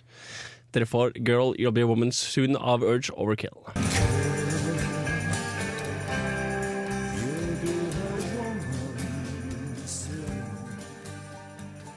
Terry Gilliam gave you some advo- advice before you made Reservoir Dogs. You remember what it was? Yeah, I sure do. You see movies and they uh, they can have be full of vision, and you know you want your movies to be like that. But you know you see these other movies that are don't have any vision, but I'm sure the director tried. So what's the difference between this guy versus that guy? How did he? How was this guy able to get this on the screen, and how was this guy not able to get this on the screen? I'm sure if I talked to that guy, he'd tell all these. You know, uh, I'm sure he wanted that. Who knows? And I was afraid of being that guy. I want to be that guy. And um, well, Terry Gilliam definitely has a vision. No two, three, four ways about it. So we were at Sundance, and um, it was like a lunch going on at the picnic tables there, and everyone else FO'd. And uh, it was just me and him talking, which was a thrill. And I go, look, you know, you have a very specific vision in your movies, and uh, it's right there on the screen. How do you do that? How do you get that vision that's in your head? How do you get it on the screen? And he said, um, well, Quentin, you have to understand, as a director, you don't have to do that. Your job is to hire talented people who can do that. You hire a cinematographer who can get the kind of quality that you want. You don't have to be able to know how to take the lights and move them around to create an effect. You hire a talented costume designer who can give the colors that you need and the flamboyance or not that you want. Uh, you hire a, a production designer who can do that. Your job is explaining your vision. Your job is articulating to them what you want on the screen. And then all of a sudden, the whole mystical, shamanistic thing that I thought directing was just went boop. And I realized I could do that. That it wasn't this Merlin like magic kit that I needed to know the, the right spell in order to conjure. I, oh, I can describe what I want. I know what's in my head. That's the easiest part. I'm good at describing. Og Tarantino sier jo at liksom, han har en visjon, og han vil gjerne uttrykke den her. Og så lenge du hyrer inn folk som har talent, så kommer dette til å gå helt superfint. Og en av de litt glemte heltene, eller uh, uhyllede kvinnene bak saksa som sitter i dette klipperommet, er da en kvinne ved navn Sally Menke, som dessverre døde i 2008, like etter at uh, Inglorious Bastards var ferdig. Uh, og han uh, sa at eh, hun forstår meg ikke 100% men 80% av tiden så vet hun hva jeg vil ha, og det er godt nok. Og hun har da sagt selv at jeg klipper ikke til musikk. Jeg tar og lager scenen, eh, de filmer, lager scenen uten musikk. Og så finner Tarantino musikk som passer, og så endrer vi bare litt sekund her og sekund der, sånn at det passer. Det, jo, det, er, det gir jo veldig mening også, Mm. Fordi han bruker jo vi, vi, vi- skal tilbake på det med musikk. Men uh, han er jo med på editingen. Han er med, han Mm. skriver den, han regisserer den, og så er han med ed ed ed editer den. For eksempel, kanskje det klareste eksempelet på uh, hvor viktig denne kvinnen var, er i Pulp Fiction. Så er Dere vet den scenen hvor de sitter og drikker five dollar milkshake på Ja. Jack Rabbit, eller hva han heter? Ja, Jack Rabbits ja, ja, ja. Det var egentlig en 45 minutter lang scene. Nei! Oi. Som hun klippet ned til fem. Og det, det, alt er der. Du føler ikke at noe mangler. Nei, men Noe må jo mangle! Ja, åpenbart. 45 minutter, var det bare stirring og kokainsniffing, liksom? Sannsynligvis. Jesus. Men poenget er at hun var på en måte litt motkraften til Tarantino. Var sånn, ja, ja, jeg, jeg Ja. vet hva du vil, jeg skjønner hva du vil, men du kan ikke vise 45 minutter hvor de sitter og drikker milkshake. Jeg skal klippe det ned sånn at du får det til på fem. Hun var det produksjonsteamet til Lucas eh, Lucasfilm var når, når, når eh, han som heter lagde Star Wars-filmene. George Lucas. George Lucas lagde Star Wars-filmene Da fikk han masse motarbeid fra masse folk som gjorde de første tre filmene bra, sier de. Og, man kan- hun dama her er i Tarantinos Man kan liksom se litt at hun var gått bort, eh, dessverre, i Django, fordi den filmen bruker 45 minutter på å slutte. Jeg er faktisk litt enig. det er en, slutten kunne vært gjort på sju minutter. Han Ja. bruker 30. Det er sant. Og det er på slutten av Jeg så Django om igjen denne uka her også. Det er- på slutten av filmen at den faller sammen for min del. Det blir så weird, på en måte. Men denne igjen så er det jo en viss form for karakterutvikling i veldig Tarantino-stil, da. Men det er kanskje en av de jeg, vil, jeg har aldri tenkt dette her før, men kan det være Django Unchained er den Tarantino-filmen med best karakterutvikling? Hvis, hvis noen? Ikke best, men mest! Django utvikler seg faktisk fra begynnelsen til slutt. Eller gjør han ikke det? Eller var jeg Gjør som han tuller? det? Får han ikke bare hevn?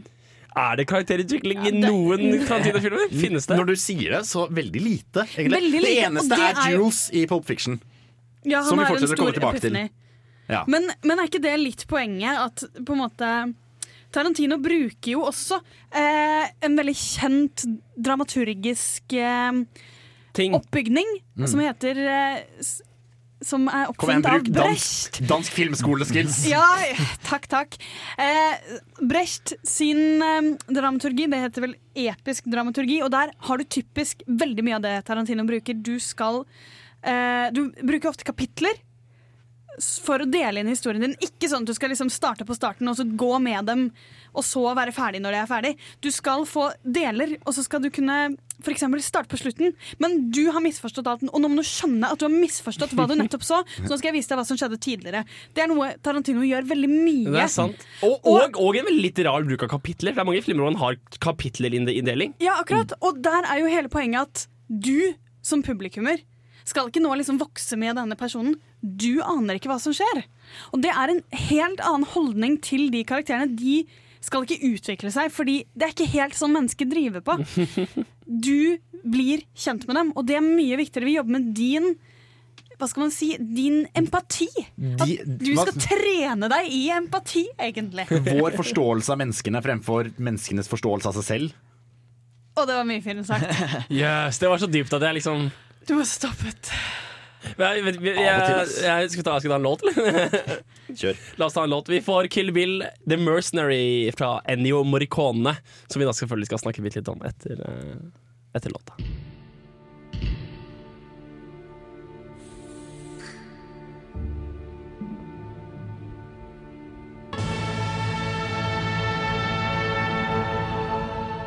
Do you create music? No, I don't create it. Yeah. You don't create that. Yeah. No, I appreciate it. Yeah. Um, and you make movies about it. Yes, exactly. And I use it in my movies, and it is a huge part of my aesthetic. It is. It But- really is. I- a no, dis- it really is. It's, it's and not only it- yeah, Yeah. it's a defining part of your. I, I would agree, but I don't make it, and that's Yeah. actually part. Of, you know. So what does that make you? A kind of aggregator? yeah, it's like you know. I guess. Yeah. Well, it also it is, it is modern art going on. There is a slightly. You know, for lack of a better word, a hip hop aesthetic of taking something that already exists, taking what you like from what already exists, and putting it into your own work. And by the way you do it and the way you frame it, uh, creating something that didn't exist before. Now, it's taken a while for that to be respected, all right? But that's always kind of where I've been coming from. And how do you use it? What does it add to the film? Uh, well, I mean, personally, I, I just think, um, It When you- creates mood. It creates. well, it's, I just Pacing. think it, I think it's one of the most. I, I try not to. I try not to use music just as a case of pacing. That's how everybody else does it. They put innocuous music just to kind of get the ticking clock going. I should have been embarrassed to even suggest you do that. you know. Uh, but uh, uh, I think the reason that my music works so good is I don't just blanket it in there. When it is, is in Yeah, there, it's right, there right, for a right, real right. purpose. But I, I actually think the right use of of movie image and the right and the connected with the right music is usually the most cinematic moments uh, in the history of cinema. Så Tarantino og musikk Jeg hadde egentlig aldri um, tatt inn over meg hvor sykt bra musikktendenser Tarantino har. For jeg har alltid sett ham på som vold, god dialog, god filming, whatever. Men da jeg begynte å finne musikk til denne greiene her, så bestemte jeg egentlig for at herregud, så god musikk han har! Jesus! Men jeg synes jo hvordan han bruker musikken i scenene Jeg synes det var veldig talende det du sa, Jan Markus, at de klippes helt uten musikk. Og han sier det her også, det er ikke pacing. Det er en av de tingene eh, tidligere nevnte eh, Russell. Ja. Eh, han som lagde da Joy og ja. I Heart Huckabees Ja. og Hva var ifølge navnet? Hustle. Nei, jeg mista det helt. Ingen aner. Hørkås, kom igjen. Russell! må Nei. Ok, ingen aner. Det han gjør, er at han har uh, eh, American Hustle. Utrolig fengende musikk, så man blir sittende og være med. Ja, det. Men det er bare pacing, det er ingenting mer. Mens Tarantino har scener som fungerer helt uten musikk, og så blir de jævla fete med. Det og det er liksom liksom Hvordan han gjør det, gir scenen noe mer. Det sier noe om hva du mener. Når eh, Kan vi spoile Inglorious Bastards? Du kan hoppe fem-ti sekunder. Du kan hoppe fra- fram ti sekunder. Når hun dør, eh, hun franske jøden Hun skyter Shoshana. en mann, Shoshana. Hun skyter en mann, og så eh, holder han på å våkne opp igjen. Og da blir hun litt sånn romantisk interessert i han. Eller det spilles opp som en romantisk scene, og så skyter han henne. Og så av musikken så skjønner du at dette her var deres romantiske slutt. For de spiller en veldig sånn romantisk slutt på hele den Og det er greia. interessant, fordi en av, de, en av de kulere Vi spiller den ikke i dag, men eh, David Bowies sin Cat People er en veldig ikke-sjanreriktig låt som Tarantino bruker til å eh, når Shoshana tar på seg liksom krigs Tar på seg Mm. pentøyet for, å gjøre dette, for å gjøre denne tingen hun gjør, mm. så, eh, så spiller eh, Tarantino en helt annen type musikk, men som funker dritbra. Mm. Så Noen ganger så bruker han musikk som er veldig liksom Ja, her kommer det en westernlåt. Selvfølgelig, nå får Ennio Morricone onanere utover en, et, et ark i fem minutter, og så kommer vi til å sitte her og ta det. Men andre ganger så er det sånn Vet du hva, dette bare funket med noe helt annet sjangerbrytende musikk. Og det som er så gøy også, er jo Han bruker ekstremt kul musikk. Og når du hører det, så sitter du og tenker Men faen, hvorfor har ikke noen brukt denne sangen før? Ja. At han, han finner låter, og så gjør han dem til sine egne. Ja, og, for, og på samme måte som han er en filmfan, og vi det ser vi at han er en filmfan, så er han en musikkfan. Og det er jo bare for å ta Første låt i denne sendingen var jo den den gitarlåta som alle kjenner som åpningen fra Pulp Fiction. Ja. Hvor ingen, ingen vet hva den heter, men det er åpningen fra Pulp Fiction. Og det, det skal også sies at i um, godeste Reservoir Dogs er det jo en veldig genial bruk av sangen 'Stuck in the Middle with You'. Mm. Til en helt grotesk, fæl, vond, ekkel scene. Men det du får se, er jo eh, Vic Vega, som han heter. Gå og digge en sang han Danse liker, og liksom danse til liksom Mm. fjasete kjærlighetssang når han skal gå og skjære øret av en fyr. Mm. Og du får den, det blir en sånn dissonans som gjør den tingen mye verre. Ja, det gjør Fordi det du spiller det ikke opp, du får ikke forberede deg. Du er litt sånn hva, hva skal jeg forvente her? Er Hva driver han på? Han går ut i bilen, kanskje han skal gå? Kanskje vi slipper Nei, ok, han kommer tilbake. Men det er sant, altså, det gjør det litt mer sånn psykologisk. Det gjør det litt mer sånn psykopatisk. At, Mm. at, at du får den dis dissonansen. Du viser jo han, Fyren er jo blodsosiopat. Og det, det kommer jo så tydelig frem i den scenen. Hvor han er sånn jeg, jeg bryr meg ikke engang nok om ditt liv til å liksom øde, la det ødelegge min musikkstund. Jeg, er radio, poeng. altså, jeg kan kjøre bil, knivstikke en fyr, fortsette å kjøre bil, kose meg. Og det er jo som han sier med sjangere også, hvordan han bruker sjangerne er aldri helt som de skal. Det skal, det skal være på hans måte. Fordi vi har sett sjangeren i seg selv, vi har sett western før. Men når han tar det, så, så twerker han litt etter hva han har tenkt, for han har sett veldig mye. Og så viser han oss tilbake på en litt ny måte. Ja, og så, som du sier med twerke-musikk. Eh, han bruker jo eh, musikk fra eksempel i nå i The Hateful Eight så bruker han musikk som er eh, ikke lansert fra The Thing. Eh, og twerke det inn i eh, ulike scener. Og når det gjelder Hateful Eight, jeg må bare kommentere hvor fantastisk den, den musikk, musikk Hele greia er. Ja, for det er jo Ennio Morricone. Ja. Ja. Ja, det er bare helt fantastisk, egentlig. Fordi Morricone er på en måte en sånn komponist som lager musikk sånn som han gjorde for 200 år siden, egentlig. Han, han bruker eh, hele orkesteret. Rett og slett obo og fagott og hele treblåsrekka. Sånn Du hører ikke det i moderne filmer nå.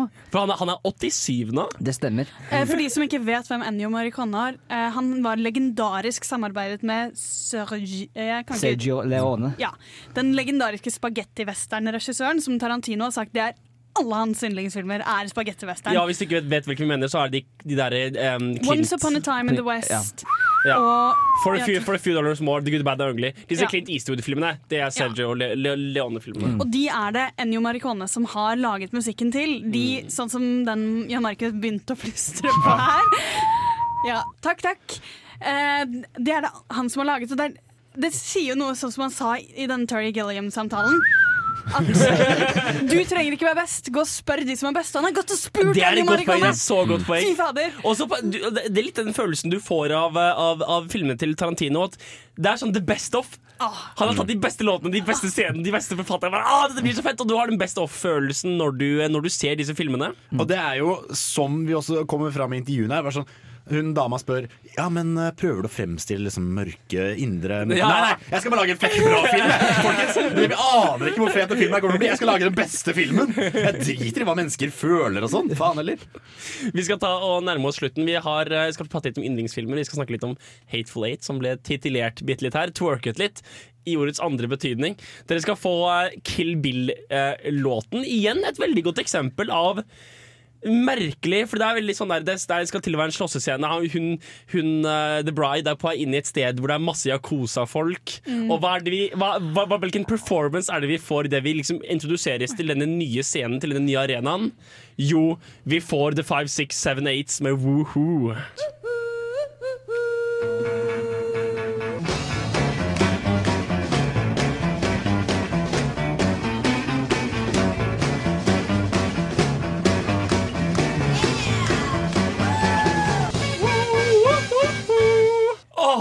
Jesus H. fucking Christ, altså.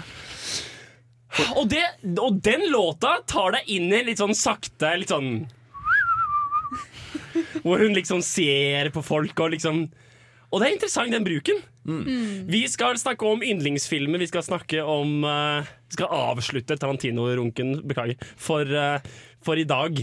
Uh, Prate litt om Hateful Eight først, kanskje? Ja, eh, jeg. Har alle sett Hateful Eight nå? Ja, ja. Ja. Jeg så den eh, sammen med Hans Ystanes, eh, som ikke er her i dag fordi han har andre ting å gjøre, og Trine er dessverre syk. Så de savnes selvfølgelig. Men eh, vi har sett Hateful Eight og Høkås.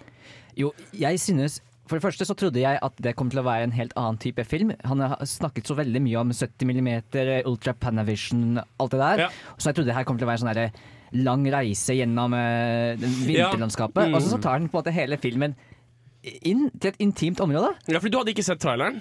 Eh, Jeg hadde sett liksom bare startet å se traileren og så bare Nei, jeg skal ikke se noe mer. Nei, for Jeg har også sluttet med det, men jeg så traileren til denne filmen. her Og Som vanlig så spoiler jeg litt, litt her og litt der, men da fikk jeg en forventning om at filmen kom til å være hovedsakelig i det huset. Ok, ja. Mm.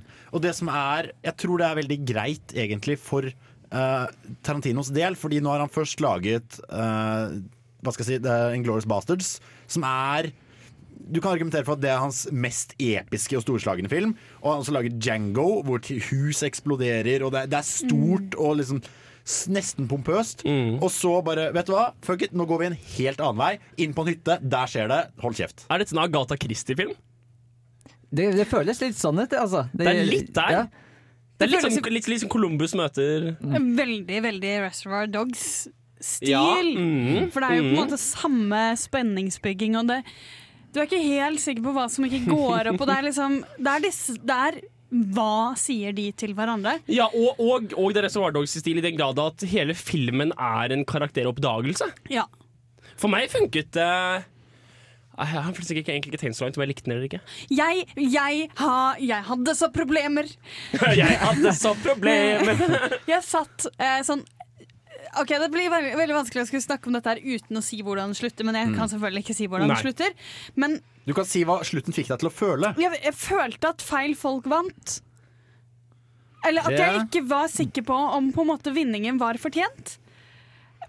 Men Som- trenger den være det, da? Nei, nei, men jeg ble veldig moralsk forarget. Sånn, Mm. Hva ender filmen opp med å si? Altså, Nå må du ikke tro at dette er en spoiler, fordi, Fordi, eh, ingen fortjener å vinne, ja. Nei, og det, er veldig, og det er, føler jeg er veldig typisk Tarantino. At han har egentlig sjelden helter. Men her var det mye verre. Hans, alle, men det bare, var- altså, generelt, er du enig i det? Generelt At alle folkene hans egentlig er antihelter? Ja, Det er ingen helter. Tim Roth i Reservoir Dogs, han er en helt. Men det er den eneste. Ikke helt, for han lyver til folk han begynner å like. Og han sliter han med det. det? Ja, veldig, men, men så mye Tarantino sine greier. Det er, han, han er, det er ingen helter i Hateful Eight. Nei. Jo, faktisk det er det jo. faktisk jo Men Men, de, de er bikarakterer som faen. Men den er mye verre mot alle. Altså Alle Ja. sammen er mye slemmere enn de er. Mm. I disse, det kan man jo si. Du har mye mer sånn ordentlig groteske handlinger fra Ja, mange sant. mennesker. Mm. Det er sant. Sånn at du blir ja. sittende sånn i, i. Og for eksempel um, Å nei, jeg må kanskje stoppe meg fra Ja, selv ja. Men det jeg fant ut, som jeg bare kan si til alle sammen, som som meg blir litt moralsk forarget, at filmen har kommentert slutten sin tidligere i filmen. Det er en karakter som forklarer hvorfor slutten oh, ja. er feil. Hvorfor Oh. det der ikke blir rettferdig. Ja. Og det er det var, Merkelig. det var deilig å komme på for meg, for da kunne jeg liksom slå på sånn ah, Det var det du ville, Tarantino. Vi Ja, er fortsatt på lag. Altså For min del, så jeg, altså, jeg, jeg, jeg ser hva du sier, Frida. Jeg gikk også ut av filmen litt sånn men, men det var øyeblikk da jeg og Hans satt og lo og bare 'Dette er så Tarantino! Herregud, det er så Tarantino! Jesus Christ'. Ja, for det du nevner med Hvis jeg bare får ta en liten avstikker på dette med helter, eh, er jo at han har jo ingen som er liksom sånn I am the hero. Mm. For eksempel, hvis vi går tilbake til Pulp Fiction igjen, eh, når vi skal begynne å snakke om yndlingsfilmer, du kan jo bare gjette. Jeg, der har vi Butch, eh, bokseren. hvor da- Spilt av Bruce Willis. Spult av Bruce Willis. Spult av Brice Willis. Splatt blod. Ja, okay. Eh, hvor vi da har eh, han eh, godeste Og hva heter han? eh, Bruce Willis? Nei, han I wore this cock up my ass. Ja, han, ja. Ja. Christopher Waltz. Eh, Christopher Walken. ja, nettopp. Han, eh, hvor han da har en lang monolog om eh, at du må gjøre det rette, og jeg Ja, gikk med ja. denne klokka i rumpa Ja, i ja. sju år og sånn. Ja, ja. Like før du ser Butch skal gå og tape en kamp eh, med vilje for mafiaen. Han kommer da ut eh, etter den monologen. Og har drept Eh, en kar, liksom. Og, nei, men når du tenker OK, han slåss tilbake, han tapte ikke, han gjorde det rette. Mm. Så tenker du ok, vet du hva, han har litt moralsk fiber. Så går det omtrent to minutter før du finner ut at han satset penger på seg selv Ja, ja. og tjente masse penger. Ja, ja, så er det sånn, er, er det noe moral her? Alle er skurker. Alle er egentlig, alle er egentlig litt jævlige mennesker. Og jeg tror det er veldig kommentaren han gjør i Hateful Eight. Er faktisk at Når vi snakker om Ville Western, så har vi fortsatt beholdt den der romantiske sånn Å, det var bare å ri ut og drepe litt indianere, og det var så deilige dager.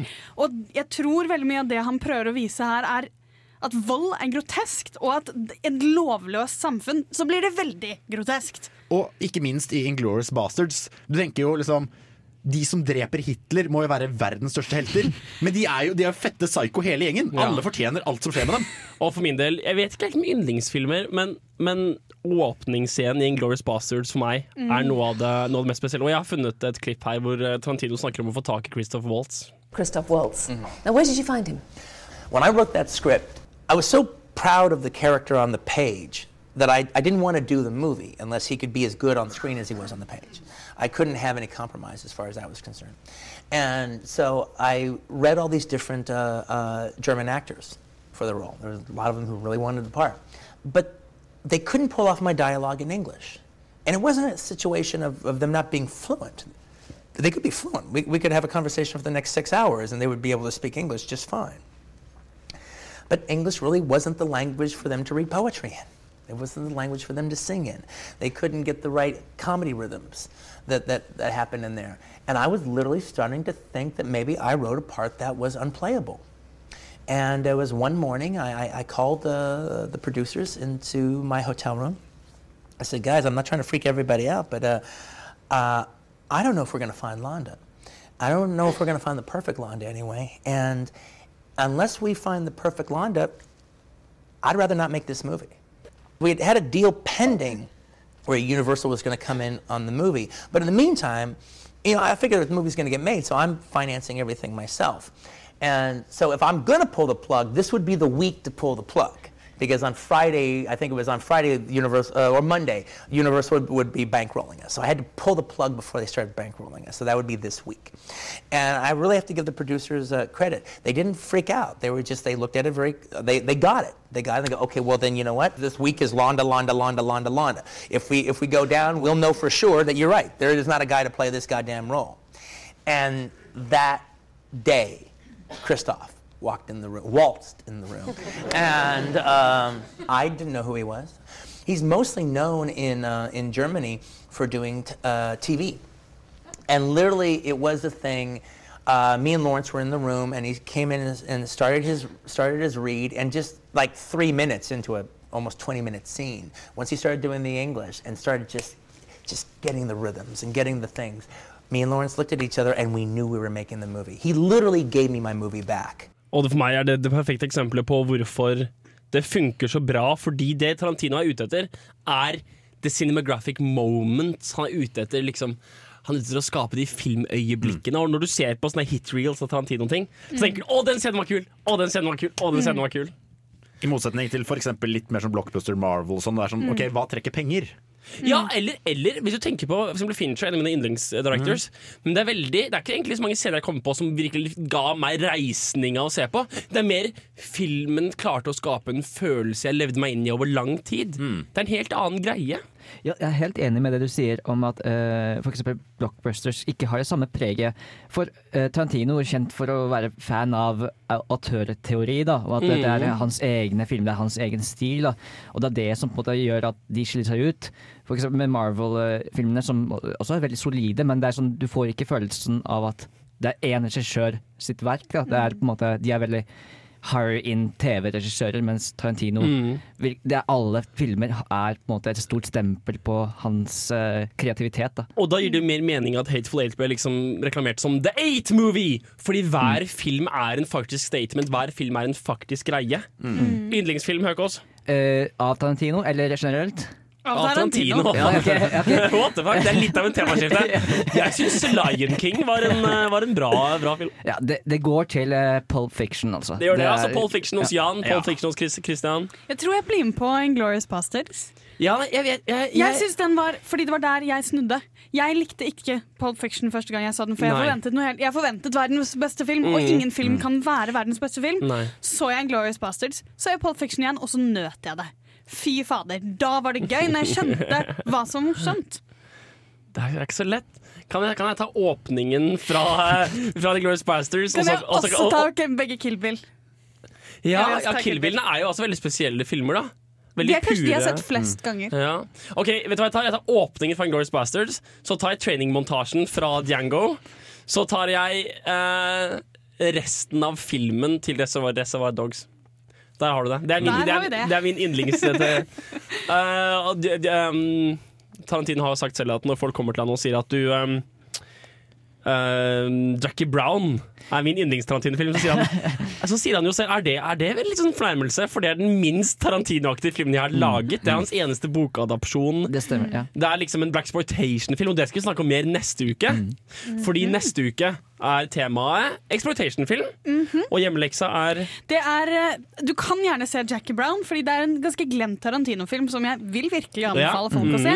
Men ukas hjemmelekse er en, det er en omasj til Blaxploitation, sånn at dere ikke skal måtte se noe dritt, og det er Black Dynamite. Black Dynamite. Det er neste uke. Eh, det har vært Tarantino-sending i dag. Det var litt brå slutt, jeg, jeg, jeg, jeg så inn i mitt indre øye en kul overgang, så beklager den brå slutten.